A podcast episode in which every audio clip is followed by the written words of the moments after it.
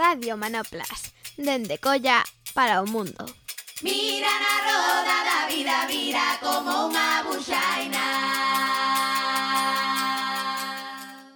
Benvidas a Radio Manoplas, estamos nun novo falangullo, nunha nova entrevista e os vimos ata a Torre Cedeira para falar con Iria Vázquez Silva. Hola, Iria. Hola. Bueno, estamos, eh, creo que se pode dicir, estamos aquí na universidade, na Facultade de Peritos, con Iria, e isto xa dá unha pista de a que se dedica a Iria. Pero antes de meternos por aí, eh, quería falar con Iria, que me dicía que era do ano 80, eh, se te lembras como era a pequena Iria, o que facía a pequena Iria, onde medrou, eh, que lembras da tua infancia, familia, eh, bueno, Dai moitos tempo, pero algo te lembrarás. Sí, pois eu crecín en Travesía de Vigo, eh, é dicir, que tive unha infancia rodeada de coches, por así dicilo, nunha época na que, bueno, podíamos xogarnos descampados atrás, E eh, teño a lembranza, bueno, pois de dentro dunha familia numerosa, porque son a terceira de catro. Eh, teño dous irmás maiores e unha irmá pequena. E Entón a verdade é que, bueno, pois as miñas lembranzas son, bueno, pois dunha nena que estaba sempre, pois, con moitos irmáns, facendo, pois, bastantes actividades, porque me encantaba facer deporte, entón provei todo o que está pois non sei, natación, eh, atletismo, patinaxe, ao final quedeime con patinaxe. Patinaxe. e, eh, e bueno, a que me gustaba moito ir ao cole, e gustábame moito ler, quizáis por aí tamén ven un pouco esas referencias que vas atopando. Eh, encantábame Agatha Christie e os novelas de misterio. Eh, e bueno, a verdad que me interesaba tamén, moi de nena, me interesaba moito a historia, lembrome de que había como unha, uns libros moi moi delgadiños que eran así vivían los egipcios, así vivían los romanos. Bueno, unha serie aí que me que flipaba. Entón, bueno, pois unha nena, pois non sei, penso que así con moita actividade pois cara fora, pero bueno, tamén así cara dentro, non? Coa lectura. E bueno, e cuns pais, a verdade, que teño moito que nese sentido agradecer, que, bueno, sempre nos marcaron así un pouquiño o eido social, eh, bueno, compartir, eh, facer así actividades, bueno, con, conxuntas, sociais, deportivas, eh, nun Vigo, bueno, moi diferente, claro, é certo. E, e iría ao teu pai, a túa nai, a que se dedicaban? Ben, pois meu pai era profe de FP, de feito foi profe de electricidade aquí ao lado. No Politécnico. No Politécnico. Eh, miña nai era auxiliar de enfermería.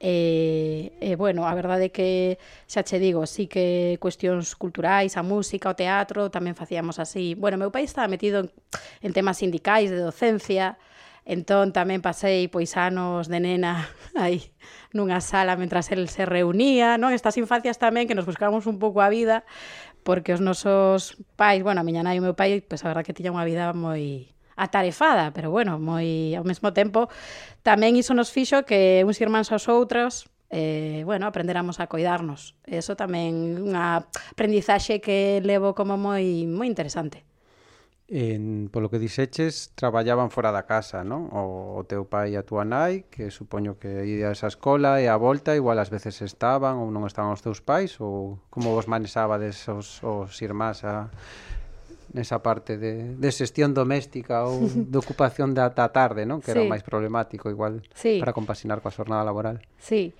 pois eh, comíamos casi sempre xuntas. Entón eu non sei como apañaban os horarios, a verdade que me parece agora un pouco misterioso. Eh, comíamos habitualmente xuntas toda a familia e logo é certo que se, había como dispersión de actividades, porque meu pai moitos anos, como lle pasaba moita xente na docencia, traballou super lonxe, en Carballiño, en, non, en Ponteareas, iba traballando en diferentes vilas. Eh, E logo que che dicían as actividades que facíamos pola tarde, pois uns irmáns levaban aos outros. Lembrome de algunha anécdota, non? De sendo nena indo no vitraza, pois claro que o teu irmán te dixera mira, cando vexas este reloxo, non? Que non Santa Irene, é aí cando te tes que baixar para ir ao pabillón deportivo. O sea, bueno, en fin, unhas cousas que dis. Bueno, unha indicacións aí básicas, non? Unhas cousas básicas así de, bueno, de irnos collendo, bueno, de irnos coidando así máis ou menos unhas ás outras e a cousa saiu ben. E mm, fixeches a primaria ou EGB daquela e onde fixeches a secundaria, instituto? O instituto fixemos Santa Irene.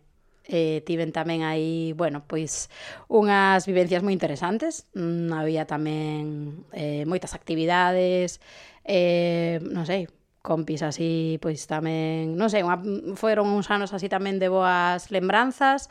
Tiven algún profe de filosofía así que lembro, eh, Dime tamén unha profe de bioloxía que tamén lembro. Bueno, pois algunhas referencias tamén así de profes interesantes que, que bueno, que che van marcando. E remata COU daquela, agora segundo de bacharelato, faz a selectividade, agora a BAU. Sí. Eh, como como chegas a uni a facer socioloxía, entendo que foi sí. o, o primeiro que Pois pues, pois pues te vas a sorprender, porque eu quería estudar medicina. Pero eh, agora mismo, bueno, estamos con, con selectivo coa BAU, eh, non me daba nota. Me quedei así como xusto, bueno, porque era o estudiante, pero bueno, mm, era pues como agora, non? Como super exixente todo, e todo como moi moita presión e tal. E, e mm, entón nada, decidín, mm, fixen así unha decisión de dicir, bueno, pois pues, se non está este eido, pois pues, vou a, a lanzarme ao eido social e no eido social pois pues, tiña unha amiga que era a moza dun, dun, dun amigo meu que estudara socioloxía en Madrid E entón empecé a interesarme a ler. E dixen, porque aquí en Galiza, claro, a ver, hai na Coruña. Entón, non era unha carreira que aquí en Vigo se escoitara moito. Uh -huh. Eh, pero bueno, empecé a ler con esta, bueno, pues con, con Marta, vamos, esta amiga que, que previamente estudara Socioloxía, e dixen, buah, pois pues eu creo que eu creo que me vexo con... E, e marchaches... A Coruña. A Coruña. Sí. Sí, eso hai... te, e iso te, te seducía marchar da casa ou era algo que igual era máis obstáculo que, que algo que animaba? Eh, bueno, non non foi fácil. Sí que é verdade que, bueno, iba moito a Santiago porque casi toda a miña pandilla pois pues, estudaba en Santiago. Entón, bueno, esa parte así de eh, ahora xa o vexo con moita nostalgia, non? De feito, bueno, claro, es que pasamos de 40 empezamos a ter esa visión aí super nostálxica. Eh, e, eh, bueno, penso que foron uns anos así interesantes pero cando me fun xusto a estudar cadrou que, que bueno, morreu a miña nai xusto nese ano. Entón ese primeiro ano de carreira non o lembro na Coruña nada nada nada luminoso, vamos a dicirlo así. Entón, bueno, tampouco tampouco é que que Coruña sexa, penso que tampouco Vigo de ser unha cidade fácil para persoas que veñen de fora. E logo xa un poquinho me adaptei, pero bueno, con esa pata así un pouco que tiña, bueno, pues mozo en Santiago, eh, pandilla en Santiago, entón facía esta vida así no, no tren, vamos. E daquela, se te preguntaban por que querías estudar socioloxía ou cal quería ser o, o o futuro logo de, de estudar Socioloxía te lembras que, que estaría na túa cabeza ou, ou para que querías estudar ou cal era a túa idea de futuro logo deses estudos? Bueno, pois eu creo que entronca un pouco, non? Como falábamos antes, co traballo social, co ido social, coa educación social. Para min non coñecía, o sea, sabía que era algo do ido social, de, de facer análisis reflexivo, pero tamén me gustaba a intervención. Magua que en socioloxía non se estuda nada de intervención social, eh, pero en realidad a mí me interesaban esas dúas eidos, non? que pensei que en socioloxía van a estar un pouco máis unidos. E de feito, pola miña banda, eu logo fun tentando aprender un pouco, porque traballei no eido social, aprender eh, intervención social. Eh, como me imaginaba de socióloga? Bueno, me imaginaba, non me imaginaba na facendo tanta investigación como na universidade, como final pois fixen, sino máis traballando en entidades, que tamén foi algo que fixen, me imaginaba máis nese perfil, non? Que, que creo que non hai moita xente de socioloxía traballando en entidades, hai máis ou mellor en Galiza, bueno, do que eu coñezo. Eh, pero bueno, me imaginaba así, máis como en entidades, esa, esa, esa ponte entre a diagnose e a intervención social.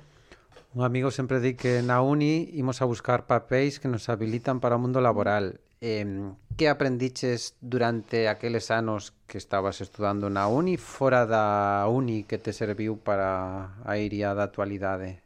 Dicir, estabas nunha carreira estudando entre libros, pero supoño que a uni eh, que tamén ten eses, non? Son eses anos nos que pasan moitas cousas, pois de pasalo ben, de te, mm. de mocear, de, bueno, de moitas cousas. Mm. Houbo daquelas algunha actividade ou actividades ou persoas que te axudaron a completar o que a universidade te daba, que era un papeliño e tamén formación, pero bueno, sobre todo un título.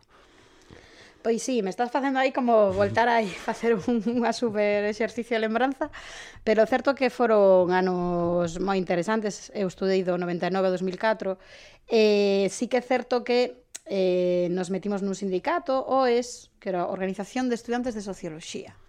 Entón, bueno, estivemos aí varios anos facendo representación de alumnado e tal, entón aprendías moito. Creamos, vamos, esta asociación.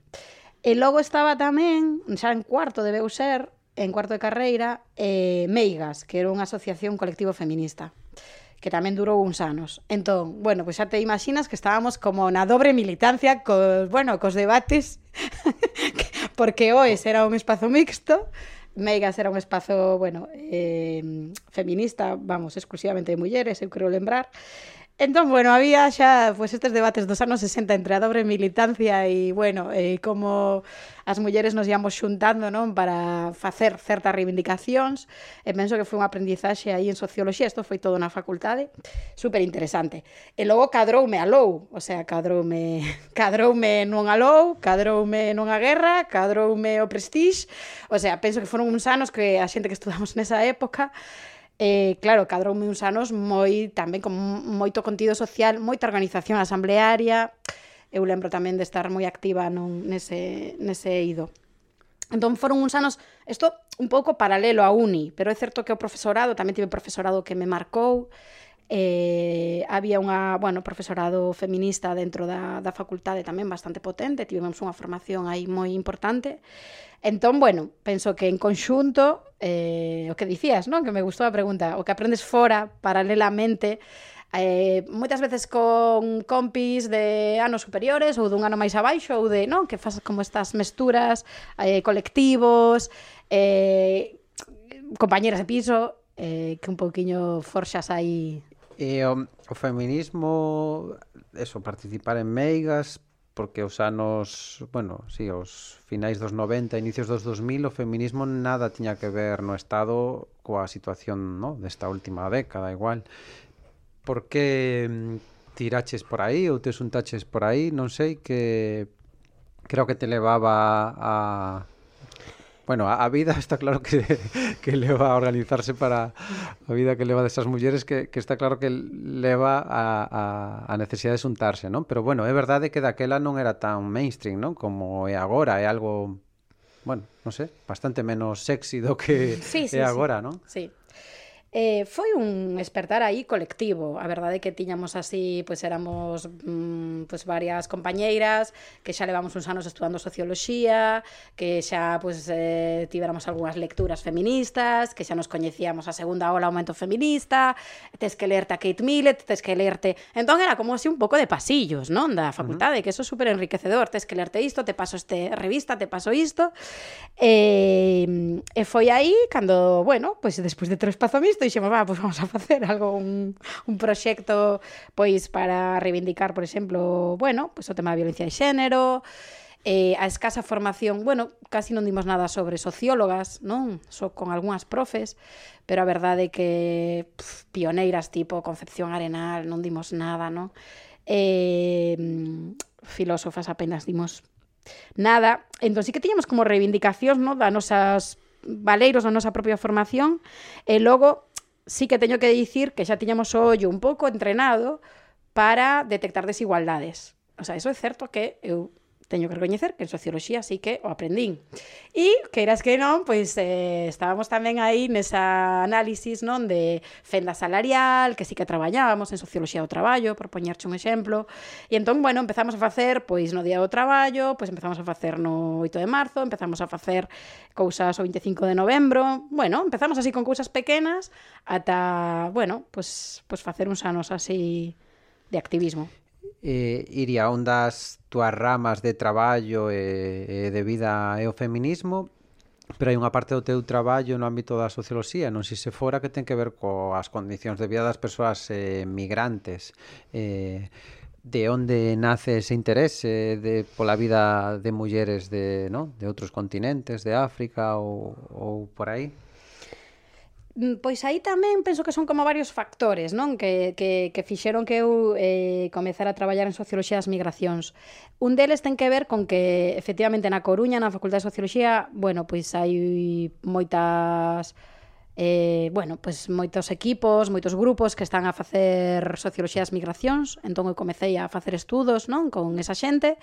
Eh, e a partir de aí, pois bueno, claro, cando te metes nun tema, eh, te empeza a parecer super interesante, e ademais eu comecei a facer tamén Bueno, o que nos pasa tamén a xente aquí galega, que é facer as conexións coa miña propia historia familiar migratoria, non no meu caso a miña avoa emigrou a Alemania, a Hanofa, eh, como limpadora, eh, basicamente, con traballos así pues, precarios, non que diríamos agora.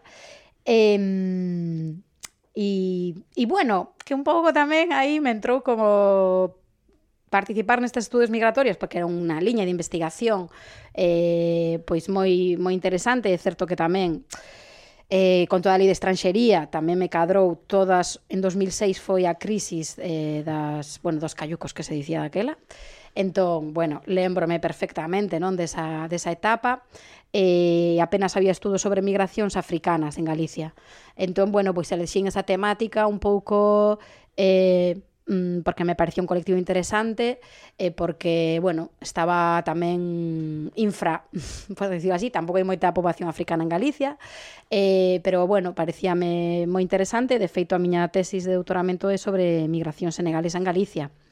E, e bueno, pois pues, tiven a sorte de poder poder pasar por ali, pola Universidade de Dakar, e ter así unha visión un pouco desde a orixe que penso que moi, bueno, non sei, eu a veces digo de broma, non?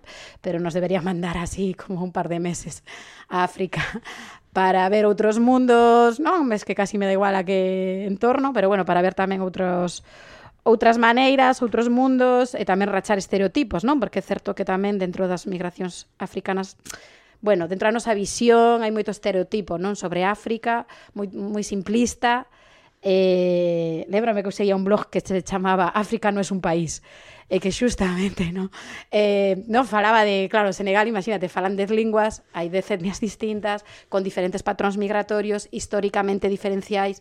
Entón, un dos capítulos que máis disfrutei da tesis foi o de historia, porque facer toda esa, non, esa análisis penso que, bueno, E en que momento Eh, non sei se te pos a etiqueta de investigadora, pero eh, en mm. que momento te das conta de que a túa vida vai pasar moito pola, pola investigación ou que te vas quedar que, que a túa forma de facer socioloxía vai ser a través da investigación, tamén da docencia agora, pero hai algún momento no que eres consciente diso, no que o abrazas, no que dis, bueno, pois a vida me foi levando ata aí, aquí estamos.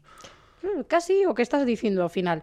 O certo que eu aprendi moito tamén porque mentres estaba mm, facendo a tesis, eh, despois me quedei sin, bueno, rematei o contrato e comecei a traballar na Rede de Mulleres contra os Malos Tratos. Traballei uns anos ali con víctimas de violencia, eh, que está tamén Raquel, que é traballadora social, eh, e aí aprendei moito.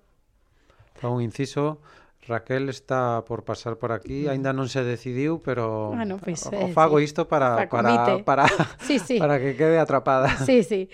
Pois ali aprendí moito, a verdade, porque, bueno, pois aprendes a facer acompañamentos, formacións do máis diversas e interesantes, a ter grupos de mulleres, e tamén facíamos formación mixtas sobre feminismos. Bueno, en fin, eh, a ir aos xulgados, a, pois aprendes moito a violencia machista institucional, que de feito de aí, pois, bueno, xurdiu un pouco a idea de tamén escribir sobre esa temática, non? Da violencia institucional nos xulgados, eh, na policía, etcétera. E o que pasa que aí na rede tamén tiñamos contratos temporais e eu pois ao mesmo tempo compatibilizaba con estar a tempo parcial na universidade.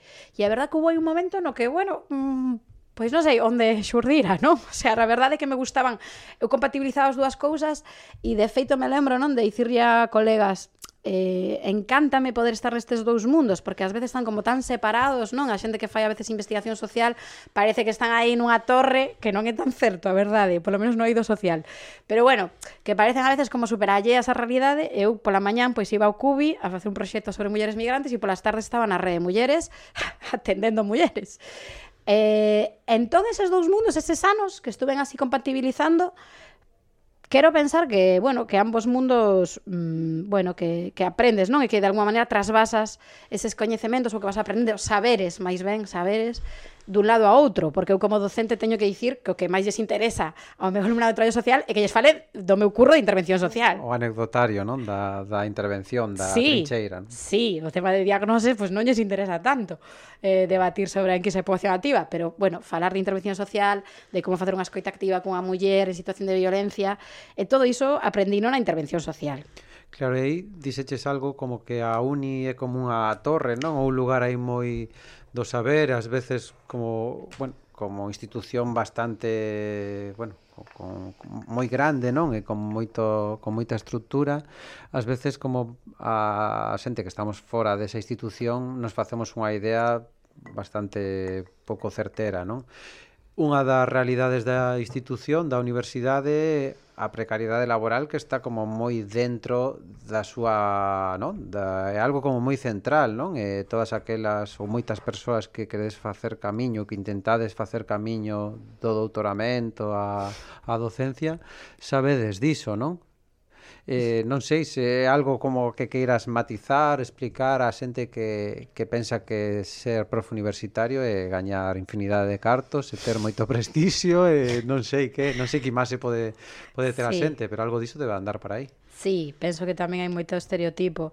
Eh, realmente é unha carreira super longa e dura, eso é certo, sobre todo das persoas o mellor que entramos de 15 anos para aquí na universidade porque antes quizáis tamén era outro momento, non? Eh, bueno, pois pues, o mellor podías estar na estación e pasou o tren. Pero bueno, de 15 anos para aquí mmm, pasas, claro, eu rematei a tesis en 2014. Eu conseguín un traballo a tempo completo na universidade no 2021. Mentres estive a tempo parcial, compatibilizando con outros curros, eu rematei a miña tesis traballando, eh, o sea, ten un nivel de sacrificio chegar ata aí moi grande, eh, quero pensar, aquí pois podemos debatilo, non? Que nos últimos 10 anos penso que o profesorado que está chegando tamén ten outro enfoque tamén tamén máis de, bueno, se chama así transferencia de coñecementos. Poñen estes nomes tan, bueno, en fin, eh, no, tan rimbombantes, pero quero pensar que eu, a lo menos, xuntome con xente busco eu eses, eses chiringuitos, no? Eh, no sentido de buscar plataformas nos que haxa xente da uni, profesorado, que faga cousas sociais, e claro, en socioloxía, en educación, traballo social, educación social, hai moito profesorado, pois a plataforma que eh, se comentaba ao redor do rural, pois unha plataforma que pon contacto colectivos con profesorado para rachar non? Eh, as ideas preconcebidas que temos sobre o rural en Galicia. Eh, logo estou con outras compañeras, compañeiras, non? A Antía Pérez Caramés, Belén Fernández Suárez, bueno, da, da Universidade da Coruña, traballando moito sobre migracións en mulleres caboverdianas, africanas, eh, facendo tamén, bueno, pois pois fixemos un documental sobre iso. Eh, quero dicir que dentro da uni hai moita xente, sobre todo nova, que e non só nova, que está facendo ou quero pensar outro tipo de universidade. Pero aínda así é difícil, porque a propia burocracia interna, os propios procesos, as xerarquías que siga habendo, eh, a veces a, a competencia de egos un pouco demencial, que eso tamén a veces entre persoas máis ¿no? de 40 anos tamén existe, eh, pois bueno, estropea un pouco que podía ser un curro moi interesante, non precisamente ben pagado, porque podedes ver os salarios de unha persoa xoante doutora, pero bueno, estamos como menos que en secundaria.